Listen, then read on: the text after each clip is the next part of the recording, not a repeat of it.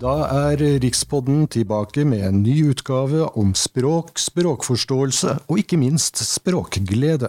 Og vår gjest i dag er Hanne Laustad, hovedredaktør for Det norske akademis ordbok. Og her i studio, vi som stiller spørsmål, det er Ole Råde og Knut Lind. For å begynne med begynnelsen, Hanne. Hva er Det norske akademi? Ja, Det norske akademi er jo da man må tenke på akademitradisjonen for å forstå hva som ligger i ordet akademi. For i, da, i våre dager så har man jo både negleakademier og alt mulig. Sånn at det eh, akademibegrepet er blitt litt utvannet. Men uh, Sverige f.eks. har jo da ja. vitenskapsakademi, akkurat som Frankrike, og det er ikke det Nei, vi for det, det, har vi også i Norge, altså norske vitenskapsakademi ute på Drammensveien. Um, så eh, det, eh, denne type akademi er, eh, det er en tradisjon fra 1600-tallet, hvor man i Italia og Frankrike, og siden Tyskland, og så på 1700-tallet i Sverige, opprettet sånne akademier for å, å dyrke og utvikle språk og litteraturen. Og Det norske akademi er jo ungt og ja, ungt i sammenheng. Og det ble opprettet da i 1953 av forskjellige kjente eh, kulturpersonligheter. Det var professor A.H. Vinsnes, det var forfatterne Arnulf Øverland og Sigurd Hoel. Det var skuespillerinnen, som det het en gang, og regissøren, teaterregissøren Gerda Ring, og flere. Og det var jo da et ønske om å styrke norsk språk og kultur og litteratur i kjølvannet av den hissige språkdebatten som hadde utviklet seg etter rettskrivningsreformen i 1938. Eh, og man ville ønsket å demme opp for det, det man så på som eh, sånn samnorskstrev og press om at språket skulle endres. Eh, og man mente at det var en endring bort fra tradisjonen, og ønsket å bevare linjene i riksmålet og bokmålet. Du nevner jo Arnulf Øverland. Eh, altså Hadde akademiet mye til felles med Riksmannsforbundet? Altså du snakker jo om 1950-tallet og kampen mot samnorsk. Det er jo også en kamp som Riksmannsforbundet også var ganske aktiv i, spesielt ja. på 50-tallet, og da med Arnulf Øverland i spissen. Ja, det var jo overlappende, kan vi si. Altså Det var jo mye av de samme tankene bak, eh, uten at jeg skal Jeg er ikke noe ekspert på den historikken, og skal ikke gå i detalj, tror jeg, om det. men det er jo mange av de samme menneskene som figurerer da på medlemslistene begge steder. Men det er altså snakk om to forskjellige institusjoner. Og I tillegg var det jo også noe som het Riksmålsvernet, og det var de som opprinnelig eide rettighetene til riksmålsordboken for å gjøre det ekstra komplisert. Men vi snakker jo ikke om riksmål lenger i dag. Nå snakker vi om eh, moderat bokmål. Eh, hva er forskjellen skulle jeg til å si, på vanlig bokmål og moderat bokmål? Eh, ja, altså sånn Historisk så var jo det var jo riksmål og landsmål som har utviklet seg til bokmål og nynorsk. Um, så har det jo vært flere rettskrivningsendringer i bokmålet, og de siste i 1981 og 2005, eh, da eh, kom det en del det vi kan kalle moderate former inn i bokmålet. Og det har ført til at det er veldig få eh, direkte riksmålsformer igjen. Det er veldig, så, så, man kan si at mange av de tradisjonelle formene som man ønsket å bevare i riksmålsbevegelsen, har jo gått inn i bokmålet.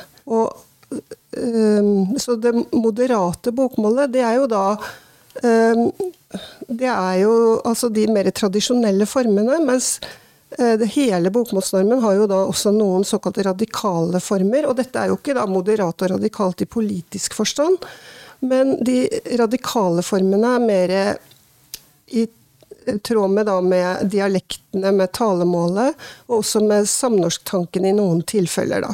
Men, snø, men sne og efter og nu, det er uh, ute. Ja, og det er jo sånn at alt, alt språk forandrer seg, også det moderate bokmålet og riksmålet. Sånn at det er jo få av oss uh, i dag som Det er jo en del eldre mennesker som fortsatt bruker sne og sånn. Det, det, er det jo, men, men, det er jo former som er på vei ut, må vi nok uh, si. Men du nevner jo 81 og 2005 som reformer som på en måte tok moderate former inn i la oss kalle det riksmålsformer, da, eh, inn i varmen igjen. Så da kan man jo si at eh, akademiet på en måte vant da, i sin kamp mot denne uh, samnorske tradisjonen. Jeg ser også på deres nettside at dere har valgt moderat bokmål som redaksjonsspråk for ordboken deres. Ja. Hva betyr det i praksis? Mm. For det, eh, det, er jo sånn at vi har um, Det er liksom tre trinn, da. Vi har eh, oppslagsord og bøyningsformer som vi viser i ordboken. Men så bruker vi jo et språk når vi beskriver språket, altså forklarer ordene f.eks. Eller lager sånne egne eksempler på hvordan, hvordan ordene brukes. Og det er redaksjonsspråket det vi selv Vi forfatter jo også ordboken, og det er det vi selv skriver. Det er da en, et moderat bokmål. Men så har vi sitateksempler som viser alle slags bokmål. Det kan være både gammelt og nytt, og det kan være arkaiserende former, det kan være dialektformer, det kan være radikale bokmålsformer. Der har vi ingen begrensninger på det vi viser frem. Men eh, er det en motsetning da mellom eh, det språket og de ordene som velges av Språkrådet i Språkrådets ordbok, og det dere gjør? Um, forskjellen er jo at vi ikke viser hele bøyningsparadigmene, uh, som det heter. Altså hele disse bøyningsmønstrene. Og vi viser ikke alle former av oppslagsordet som er tillatt i bokmål. Uh, det gjør man jo da i disse rettskrivningsordbøkene og ordlistene som uh, Språkrådet godkjenner. Eh, og det er klart at en så stor ordbok som Naob eh, bør også vise bokmålet i hele dets bredde. Det er et ønske både fra oss og også fra Kulturdepartementet, som er vår viktigste finansieringskilde. Så vi har planer for å ivareta både den eh, moderate bokmålsformen og vise dem, og samtidig kunne vise frem hele normen. Det er planer vi er i gang Eller det er ikke bare planer, men det er et arbeid som er i gang, da. Så du vil si at uh, NAB er i større grad en deskriptiv, uh, en deskriptiv ja. ordbok, mens da uh, si, nynorsk- og bokmålsordboka uh, er da normative i uh, sin virkemåte? Eller? Ja, det kan man si. Vi, I hvert fall kan man si at vi er mer deskriptive. fordi det er klart at idet man lager en ordbok, plukker ut oppslagsord, velger hvordan man presenterer det, så er man jo på en eller annen måte normativ. Men vi er en dokumentasjonsordbok, eller en deskriptiv ordbok, som du sier. Og da er det viktig å legge frem materialet i hele sin bredde. Og vi dokumenterer jo bokmålet og riksmålet da, helt fra begynnelsen av 1800-tallet og til dags dato. Ja. Og det blir hele tiden oppdatert, så det er alltid til dags dato. Eh, bare for å oppklare begrepsbruken her. Vi har glidd rett over på uh, Det norske akademis ordbok, som da forkortes NAOB. Det er kanskje ikke alle som er klar over. Så når vi bruker begrepet NAOB, så omtaler vi altså ordboka til Det norske akademi. Det er jo en digital uh, ordbok. det har vel også kanskje noen savner den papirformen. har det noen gang vært en tanke om at den ordboken dere produserte og la ut i 2018 eh, på nettet, at den skal komme i bokform? Altså, det var jo um, noen uh, som ønsket det, og det er jo særlig den eldre garde da, som, som, tenker at det er fint å ha et verk stående i bokhylla. Men saken er jo den at det er ikke noe marked mer enn i bokbransjen for store verk. Og NAOB, eller Norsk Akademis ordbok, ville da fylt tolv bind hvis vi skulle trykket den. Betyr det at det vil... dere er Norges største ordbok? Altså Det kommer an på hvordan man teller. ikke sant? Teller man antall oppslag, rene oppslagsord? Men nå har jo vi vi er nok i hvert fall en av de største, og det, vi er jo veldig store i omfang. For vi har jo ikke bare en masse, masse ord, altså anslagsvis 225 000 oppslagsord. Men vi har også veldig mye stoff da, på, på disse, uh, i mange av disse ordboksartiklene våre. De kan jo være veldig veldig lange. Mm. Sånn at, eh, og vi har mange faste uttrykk, vi har masse sitater. Så vi har jo en masse materiale, så det kommer litt an på hvordan man regner stor ordbok, da. Men det er en stor ordbok. Det er en veldig stor Og den kommer til å forbli digital. Den kommer til å forbli digital, fordi det vil jo bli ekstremt eh, lite eh, altså lønnsomt å utgi noe sånt. Det er ikke noe marked for det, og det ville bli veldig kostbart per sett med ordbok. Da. Så det er neppe sannsynlig at eh, det ville gått. Og personlig må jo jeg si at jeg syns det er veldig deilig å slå opp i digitale oppslagsverk. Um, jeg syns jo det er veldig forskjell på det å sitte og lese Det er jo smak og behag, det òg, men å sitte og lese romaner og sånn foretrekker i hvert fall jeg på papir. Men, men og det å sitte og slå opp ting, da er det veldig hendig og lettvint med det digitale formatet. Det vil jo være voldsomt da for en oversetter f.eks. å skulle ha tolv bind av et, eh, en ordbok liggende foran seg på skrivebordet. Ja, det blir jo dyrt også, nå som det er så dyre boligpriser. Så blir det store kontorer man må ha etter hvert. Så er det også som du sier, altså Språket er jo i stadig utvikling, og det må gjøre det enklere å oppdatere eh, visse ordformer, og, og selvfølgelig forklaringer, ordforklaringer når den er digital, eh, kontra da en bok i, i bokform. Ja, det er det jo ingen tvil om. Og det er, jo, eh, det er jo mange fordeler med det digitale formatet. Og en av dem er jo det at vi kan oppdatere og rette feil. eh, Trykkfeil og sånn. eh, Og vi kan legge til nytt materiale hele tiden.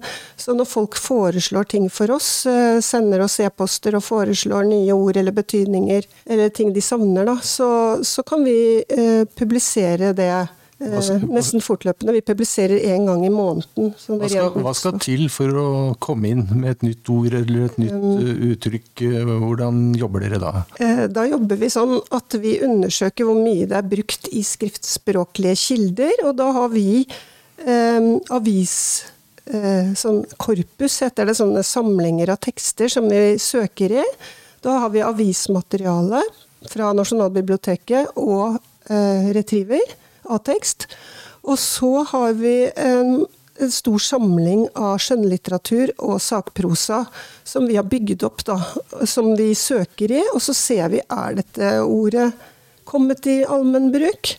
Uh, og det er jo litt forskjell på ord. Noen er jo mer typisk eh, i bruk i politikken, f.eks. Da vil jo avis Og så kommer, være aktuelle. og så kommer det jo ord og uttrykk da, som blir veldig mye brukt en periode, og som forsvinner igjen ganske Ja. Gjør det ikke det? Og da, da må vi jo vurdere ikke sant, om dette er, er dette noe som er interessant. For en ordbok er jo ikke et nyhetsmedium, men det skal jo stå seg over tid. Så da, da vurderer vi i hvert enkelt tilfelle.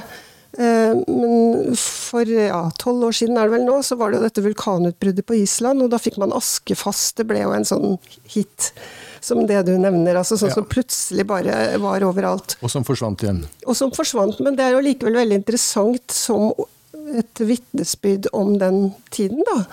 Og, eh, og så var det dette med fast, som er et produktivt ledd, som man var eh, Fra gammelt av har man vært værfast, f.eks., men så var det man eh, bilfast og Ja, nå båtfast som, og nå som nylig så har han vært koronafast. Koronafast, som har ja. vært, eh, um, Og- men, du, men du sier jo det at dette er jo en deskriptiv, også en, eh, en dokumenterende ordbok. og Derfor er det også veldig viktig Ja. at når sånn som Askefast og sånn får plass i, i litteraturen, så er det jo viktig for fremtidens generasjoner å faktisk kunne vite ok, dette er kanskje ikke i bruk lenger, men dette her var, det er viktig å slå opp. Ja, dette er det det betydde, da, for da, da, Ja. da i 2000, når var det det skjedde? da? 2012, eller Ja, eh, Aske? tror jeg, ja. Ja, ti, ti, ja, du har sikkert sett. At dere har en historisk funksjon også, ja. Det, Ja. eh, Et helt nytt ord som eh, jeg festet meg ved her Ja. forleden dag. Eh, Intimitetskoordinator, har det noen sjanse? Eh, Det høres jo litt spesielt ut. Jeg må bare si at jeg kan ikke på stående fot si at jeg har vært borti det. Det er en spesiell instruktør som hjelper skuespillere når det skal spilles inn intime scener. Okay. Det er vel kanskje litt i den, det, av det vi kaller adhoc-sammensetninger, altså sånne som dannes i en spesiell situasjon, eller for et spesielt formål. Og noen er jo også typisk termer som hører til innenfor et fagfelt, og man kan jo si at dette kanskje hører til innenfor eh, regi- og skuespillerfeltet, da. Så vi tenker jo også litt sånn, er dette noe som er i bruk i andre sammenhenger enn akkurat den strengt faglige? Eh, For da er det mer eh, ordboksverdig, da. Vi har jo snakket litt grann om eh, si, ordbo, bokmål og nynorskordboka. Ja. Og der er det vel litt høyere terskel for hvilket ord som skal inn i den boka, for den er mye mindre enn det deres verk er. Ja. For den, den, skal være mer normerende og tar bare ord som har blitt brukt veldig mye. Er, den, er det, Har jeg forstått det riktig ja, da? Absolutt. Og det er jo, de skal jo også De tar jo bort ord som man ikke ønsker, eller som, som man ser er blitt utdatert. Sånn som buskmann, da, det er jo ingen som vi bruker mer. Mm. Og da, da, tar de det bort, for det er jo en, en, en um, samtidsordbok. Mens vi er både en historisk ordbok, altså ikke vi da, men Naob er både en historisk ordbok og en samtidsordbok. Så vi, vi tenker sånn at hvis man leser en gammel tekst, og så skriver noen om buskmenn, så jeg lurer meg i alle dager, hva, hva, var det for noe? Aldri hørt om, tenker kanskje en 16-åring i dag. Og da kan den slå opp hos oss, og så står det da behørig at det er foreldet og oppfattes eh, støtende. Så dere har med både hottentott og negerkonge? Dere, ja, vi har med allting nesten, men vi markerer det da tydelig med merkelapper som viser at det kan Enten at det oppfattes støtende, kan oppfattes støtende, at det er foreldet. Sånn at vi, vi, vi, viser jo tydelig hva som er gangbart og ikke gangbart i, etter moderne tankegang og normer. Da. Og vi har akkurat gjennomført et par eh, prosjekter. ett i fjor eh, som het 'Sensitive ord', og ett i år eh, som heter 'Mangfold' i Den norske akademis ordbok. Og, og, det går da på ord innenfor visse sånne domener eller emnefelt som, hvor samfunnet har endret seg mye. Så disse sensitive ordene gjaldt da kjønn, seksualitet, eh, etnisitet. Og mangfoldsordene de har dreid seg mye om eh, ord som er knyttet til forskjellige funksjonshemminger, psykiske lidelser. Og hele feltet rundt, da, altså betegnelser for institusjoner, og, eh, hvor vi da har gått gjennom og sett hvordan blir dette presentert i ordboken. Er det i tråd med moderne verdisyn. Og så har vi ordene med, men vi, vi viser da f.eks. at uh, sinnssyke asyl er foreldet. Uh, ja. Um, en ting jeg syns er spennende, er alle de litterære referansene dere har. Ja. Um, hva skal til for å komme med der? Eh, må man være en veldig etablert forfatter som Ibsen og Shakespeare, eller kan også eh, nye, ferske forfattere risikere å, å, bli nevnt? Absolutt, det kan de. Og jeg vil si Shakespeare er ikke aktuell, for vi har ikke oversatt litteratur, eh, med noen få unntak. Det er bibeloversettelser og eh, noen norrøne, altså oversettelser av noen norrøne tekster. Ellers så har vi bare ting som er skrevet på norsk. Eh, det har vært en historisk avgrensning som vi har arvet fra riksmålsordboken, som vi jo har utviklet oss Altså NAOB er utviklet og bygd videre fra riksmålsordboken. Og er blitt en dobbelt så stor og moderne ordbok, da. Hvilken forfatter er uh, hyppigst sitert hos dere, uh, tror du? Uh, det er vel kanskje Ibsen.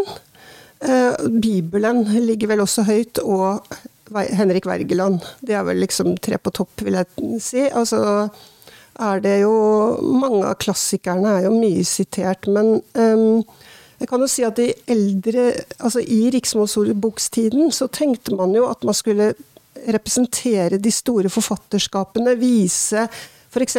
Ibsens ordforråd. Uh, og det, vi vil jo det fortsatt, men nå tenker vi òg at vi vil representere forskjellige sjangere, teksttyper, forskjellige typer forfattere.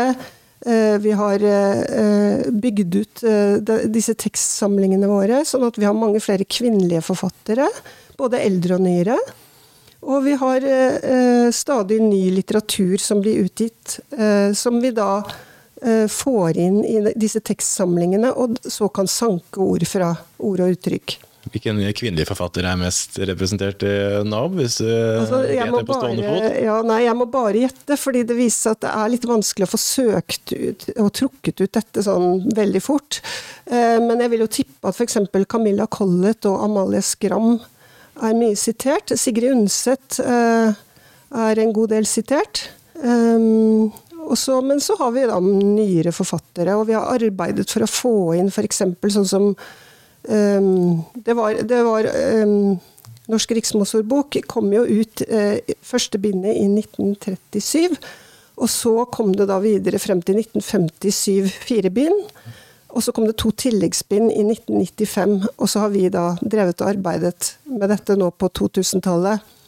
Og det har ført til at det var, eh, var en sånn dødperiode fra mellomkrigstiden til 70-tallet som var veldig dårlig representert. Og det er også noe vi har arbeidet med å fylle ut, sånn som Sandemose, altså Agnar Mykle, mange store forfatterskaper fra den perioden. Torborg Nedreås kan jeg nevne. Mm. Så vi har mm, arbeidet med, og fortsatt arbeidet med, å ta inn sitater. Og så er det nyere da både skjønnlitteratur, sakprosa og avis- og tidsskrifttekster, da. Mm. Dere har 225 000, eller 225 000 oppslagsord i boken, har jeg forstått det? det ja, cirka, da, vi si. Har du et uh, favorittord? Ja, uh, jeg liker jo veldig godt de, de litt sånn vanlige ordene, jeg da, som har lang historie. Så jeg er veldig, blant annet veldig interessert i dette med farveadjektiver. Fordi de forteller veldig mye om hvordan vi oppfatter virkeligheten. Og de forteller veldig mye om uh, hvordan språket blir brukt i forskjellige faste uttrykk. Så jeg har kun tenkt meg å velge ordet grønn. Adjektivet grønn. Hvorfor det? Uh, fordi det har en artig historie. Det er beslektet med verbet å gro. Så det er jo det som gror, da, som er grønt. Gress og løv og sånn. Og så har man da fått masse uttrykk opp gjennom historien. Sove på sitt grønne øre, gjøre sine hoser grønne. Og så har man små grønne menn fra Mars, ikke sant. Og så har man eh, den grønne bølgen og det grønne skiftet. Så det grønn kan bety veldig mange forskjellige ting, og det dannes stadig nye uttrykk med ordet. Så det, det viser liksom hele kulturhistorien og språkhistorien. En liten sånn øyeblikksbilde hvis man slår opp på ordet 'grønn' i Naub. Og det bringer oss over på dagens quiz. Ja, du har jo en eh, quiz eh, med oss, har du ikke det, Knut? Jo, vi stiller da alle gjester i dette studio et spørsmål. Den quizen er veldig kort. Og meg, ja. I dag er det deg. Quizen er veldig kort, det er bare ett spørsmål. Uh, og du skal få et vanlig ord som du eh, liker, da. Kanskje ikke fullt så vanlig som grønt. Men uh, hva er opprinnelsen til lapskaus? Ja, det er Så vidt jeg husker, så er det sånn fra sjømannsspråk. Og det er vel Jeg mener at det er engelsk. Og det var sånne retter som de kokte om bord på seilskuten. ikke sant? I en svær kjele, så puttet de oppi alt sammen og rørte rundt. Og så kunne man servere det på en eh, enkel måte til alle om bord. Eh, og så har det kommet inn i, i hva skal jeg si, inn på menyen da, i, i, i, de tusen hjem etter hvert. Og til og med blitt festmat, i hvert fall sånn som jeg kjenner det, med litt fint kjøtt og sånn. Både brun lapskaus og suppelapskaus og lys lapskaus. Du får uh, riktig på den, uh, fordi det kan godt være svaret. Men det er mange forskjellige uh, forslag hos etymologene. Ja. og du beveget deg så langt som til sjømannskap og England og i Liverpool. Så har de en dialekt som, heter, som de kaller scouse. Og og det er en salig blanding av Uh, engelsk, irsk, walisisk og også norsk. Okay. Altså en, en, en, en, blanding av ord. Men det kan jo igjen ha kommet fra denne retten de lagde om bord ja. i båtene. Det er ikke så godt å vite hva som kommer først, da, om det er språket eller maten. Nei, ikke sant. Men så har man en tredje forklaring, og det er da at det fins nedertyske varianter, og det er lapskaus og labskans. Som i våre ører minner jo nesten om noe kaudervelsk. Og det er akkurat det det er. Det språket så, som italienske kramkarer brukte da de reiste rundt på 1500-tallet. Okay. Så, så ja. vi, vi, finner vel aldri kanskje noen fasit, men det er jo morsomt at det er flere forskjellige muligheter her. Så lapskaus er et ord ikke bare for maven, men også for de små grå. Ja, det liker vi leksikografer. Og med det setter vi punktum for denne utgaven av Rikspodden, Riksmålsforbundets podkast om språk, språkforståelse og ikke minst språkglede. Vi er tilbake med en ny utgave om to uker. Rikspodden kommer på luften med sjenerøs støtte fra Tor Dahls kulturbibliotek, Bergesen-stiftelsen og Fritt Ord.